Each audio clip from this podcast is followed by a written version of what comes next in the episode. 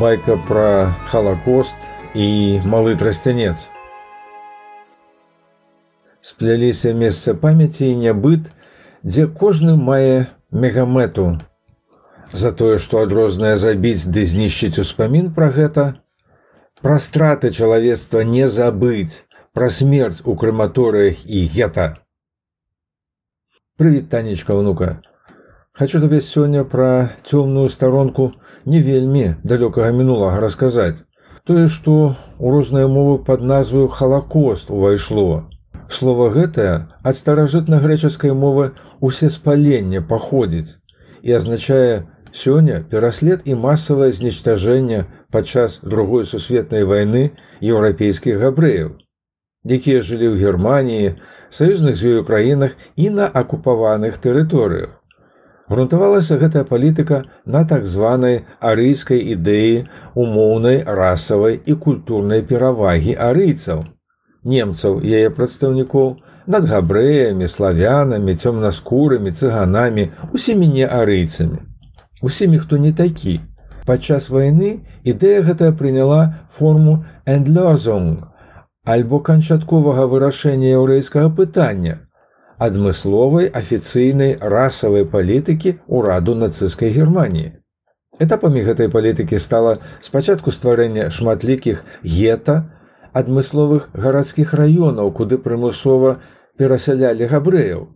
Потым стварэнне ў польшчы вялізных канцэнтрацыйных лагераў аушвіц ці асвенцым па-польску майданек трыблінка дзе людзей масава знішчалі Усяго было знішчана блізу 6 мільёнаў еўрапейскіх габрэяў. На тэрыторыю акупаванай Беларусі існавала 380 такіх мясцін знішчэння. Па розных звестках там былі забітыя спаленыя ад 600 до 800 тысяч чалавек. Самым вялікім быў лагер у ваколіцах мінска каля вёскі малы трасцянец. Каб пра ўсё гэта дазнацца, звярнуўся я да свайго сябра студэнцкага Сергея Новікова зараз прафесара загадчыка кафедры гісторыі і сацыяльных навук лінгвістычнага універсітэта, які там ужо 43 гады працуе. Аўтара шматлікіх манаграфій, сярод якіх адзін з першых дапаможнікаў часоў незалежнай беларусі курс беларусазнаўства, манаграфія Беларусь улетку 41 -го года, новыя падаходы ў даследаваннях баявых дзеянняў, Неўзабаве выйдзе чарговая вехі гісторыі мінскага няза МДЛУ 75 гадоў. Уяве сабе ўнука, чалавек толькі за апошнія 25 гадоў больш 400 навуковых прац па ваеннай гісторыі Беларусі падрыхтаваў. І ў тэме, пра якую сёння наша гаворка вядзецца нашмат больш за мяне абазнаны. Прывітанне Сергей. Вітаю сябра. Скажы колькі словаў пра сабе. Я калі, чаму, вайна другая сусветная стала эпіцэнтрам тваёй навуковай дзейнасці дакладна яе пачатак перш наперш хацелася б нагадаць шаноўным слухачам што установа вышэйшай адукацыі мінскі дзяржаўны лінгвістычны універсітэт які вельмі добра вядомы для усіх наших слухачоў як мінскі ільяс створаны ў 1948 годзе і ў гэтым годзе будзе азначаць сваё 75годдзе. Цяпер колькі слоў аб маіх унутраных матывах даследавання гісторыі вялікай чыннай вайны на тэрыторыі Беларусі. Адным з галоўных штушкоў можна назваць адкрыццё доступу да фондаў былых савецкіх архіваў сярэдзіне 90-х гадоў. Другім для мяне стала свабоднае валоданне нямецкай мовай пасля заканчэння гістарычнага факультэта Мінскага дзяржаўнага педагагічнага інстытута імя горка те выпускнікі атрымлівалі кваліфікацыю настаўніка гісторыі грамадазнаўства і нямецкай мовы. Дык вось спалучэнне гэтых двух ресурсаў паспрыялі таму што я ўбачыў для сябе зусім недаследаваную навуковую праблематыку падзей вайны метадам кампаратыўна ці параўнаўчага аналізу не мне аднаму вядома пра твае шырокія архіўныя пошукі асабліва ў нямецкіх архівах скажы каля ласка пра найбольш цікавыя знаходкі адкрыцці мне пощастило вести пошуки в некалькіх архівах Германії, у Берліні, у Кобринце, у Мюнхені, у Фрайбургу, а таксама праводзіць даследаванні у вядучых нямецкіх навукова-даследчых цэнтрах, то бок цэнтры ваенна-гістарычных даследаванняў у Пастане, цэнтра па даследаванні антысемітызму у Берліне, інстытута наўнойшай гісторыі у Мюнхене, і гэта для мяне было вельмі важным рубяжом. Кожны з гэтых архіваў з'яўляецца незаменным пры вывучэнні пытанняў ваеннай гісторыі у тым ліку баявых дзеянняў гісторыі паўсядзённасці на акупаванай беларускай тэрыторыю прымусовай працы грамадзянскага насельніцтва месцаў масавае знішчэнне людзей на тэрыторыі беларусі ну і зразумела аб культуры памяці. У якасці прыклада звярнуся да ваенна архіва ў Фрайбургу, на аснове якога мне ўдалося падрыхтаваць нават некалькі манаграфій. Сярод адкрыццяў ці знаходак можна назваць унікальныя дакументы з інстытута сучасных ведаў у Мюнхене. Гэта 2003 год, калі мне пашчасціла там працаваць у фондах і знайсці дзённікі вязняў мінскага гета Бертольда Руднера і Марты Крон гэта берлінскія евреі, якія былі дэпартаваны з Геррманіі сюды ў мінск і вось пра гэтыя гэтыя дзённікі не ведаў недзе нямецкі даследчык, а мне іх пашчасціла знайсці. Пры дапамозе нямецкіх даследчыкаў Паўла Коля мы пераклалі на беларускую мову і апублікавалі ў мінску.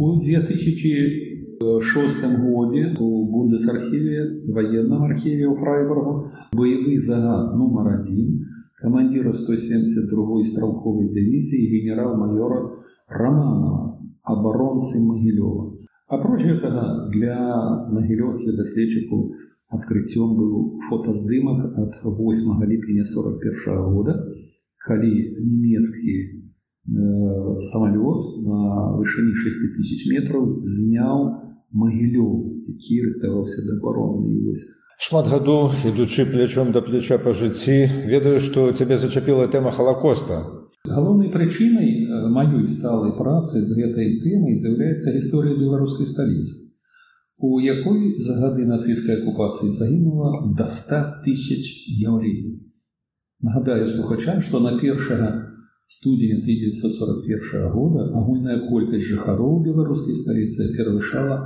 300 тысяч чалавек. То бок кожны трэці мінскі жыхар быў знішчаны ў рамках нацысцкай ідэі канчатковага вырашэння яўрэйскае пытання энтлюзу. На акупаванай тэрыторыі Беларусі гэта лічба складае лічбу 671 тысячу. Неабходна мець на ўвазе і знішчэнне ў рамках праграмы энклюзах яшчэ каля 24 тысяч нямецкіх евреяў таксама евреяў з аўстрыі чехію і менавіта беларуская сталіца стала цэнтрам гэтага знішчэння гэта мінская гета гэта пасёлак тучынка і гэта лагер смерці хрысціяніць Я ведаю, што ёсць чатыры найбуйнейшых канцэнтрацыйных лагеры ў Еўропе і трасцянец ёсць чацвёрты. Ці можна іх нейкім чынам параўнаць? Казаць пра існаванне на акупаванай тэрыторыі Беларусі канцэнтрацыйных лагераў прыходзіцца умоўна. Насамрэч на беларускай тэрыторыі такіх спецыяльна створаных месцаў не існавала. Нагадаем нашим слухачам, што гэта месца заключэння людзей па расавых нацыянальных, этнічных, палітычных і рэлігійных матывах з мэтай іх эксплуатацыі і фізічнага знішчэння. Так вось, гэтыя месцы былі падпарадкаванні галоўнай адміністрацыйна-гаспадарчай структуры СС у рамках дзейнасці імперскай службы бяспекі РСХ. Характэрныя рысы, добра вядомыя нашым слухачам са шматлікіх фільмаў, это арыштанты насілі паласатыя касцюмы знакі і нумары адрознення і ахоўваліся спецыяльнымі польскімі эсэс. Дык вось на тэрыторыі Беларусі у гады нацысцкай акупацыі Былі лагеры ці месцы знішчэння геты турмы працоўныя лагеры. Лагеры для працы на пярэднім краі нямецкай абароны працоўныя калоны гэтак далей. Але мы не знаходзім нас знаходзім вось такіх універсальных пляцовак якія значацца як канцэнтрацыйны Хаця у савецкі час за лагерам смерці трасцінец дзе загінула 206 тысяч 500 человек была замацавана назва канцэнтрацыйны лагер трасцінец. Летом 43 -го года нацыстскае кіраўніцтва прымае рашэнне аб канчатковай ліквідацыі гета на акупаваных усходніх тэрыторыях з пераходам працаздольных яўлеяў у канцэнтрацыйныя лагеры. У Беларусі усе геты у тым ліку мінскай былі ліквідаваны ўжо ў 43 годзе. І нагадаю паважаным слухачам, што ў гэтым годзе спаўняецца 80 гадоў гэтай гістарычнай э, трагедыі у дачыненні да вязняў мінскага гета. Скажы калі ласка, як дакладна адбываліся злачынства ў лагеры малы трасцянец. Калі казаць менавіта пра механізм забойстваў, механізм забойстваў, гэта распрацаваная тэхналогія знішчэння людзей, пачынаючы ад выкопвання і рву рвоў да якіх прыводзілі ахвяр і спецыяльныя карныя падраздзяленні па 20 стрэлков расстрельвалі людзей якія стаялі на рагу воз этой ямы магілы і вось гэтыя все злачынствы звязаныя з трэстанцом мы мы адлюстравалі на перасоўнай выставе мне пашчасціла з'яўляцца членам міжнароднага папячительского совета і разам з беларускімі нямецкімі навукоўцамі музейнымі работнікамі стварыць унікальную перасоўную выставу лагер смерти прыстынец яе адкрыццё адбылося ў гамбургу 8 лістапада 2016 года 8 лістапада это дата адпраўкі э, якраз гамбургскіх еўреяў у мінск і э, працягвае правы стану мінска яна была адкрыта 13 сакавіка 2017 года тут бог літаральна за год да адкрыцця на дзяржаўным узроўні с удзелам кіраўнікоў трох дзяржаў беларусі аўстрыі германії другой чаргі мемарыяльна комплексу прасцянец у канцы чэрвеня 2018 года у германії гэта выстава была представлена больш чым у 10 гарадах і стуціш універсітэта у беларусі крышку менш можа сказаць колькі прыкладна наведвальнікаў прайшло праз гэтую выставу что датычыцца беларусі э, я кажу пра лічбу э, больш за трех тысяч что датычыцца германії на асобным этапе я чуў пра лічбу больш за 20 тысяч э, больше лічбу мне не трапляліся але інтарэс да гэтай выставы быў э, як у беларускага боку так і нямецка Хочу яшчэ ў цябе запытацца Сергей пра сённяшні выгляд э, мемарыяльнага комплекса і тыя дабрачынныя экскурсіі, якія сам рэгулярна ў трасцэнцы ладзіш. Э, кажучы пра мемарыяльны комплекс трасцінец сёння, хачу зрабіць агульны акцэнт на значение гэтага месца ў цяперашняй культуры памяці Беларусіі Сегодня это помник европейского масштаба и место памяти сусветного значения. Пра гэта я кажу пастаянна як экскурсавод, які апошнія 15 гадоў штогод праводзіць шасцігадзінныя першамайскія экскурсіі для студэнтаў універсітэт па гэтым мемарыяльным месцы, а таксама штогадовыя двухгадзінныя экскурсіі па мінскім гетам.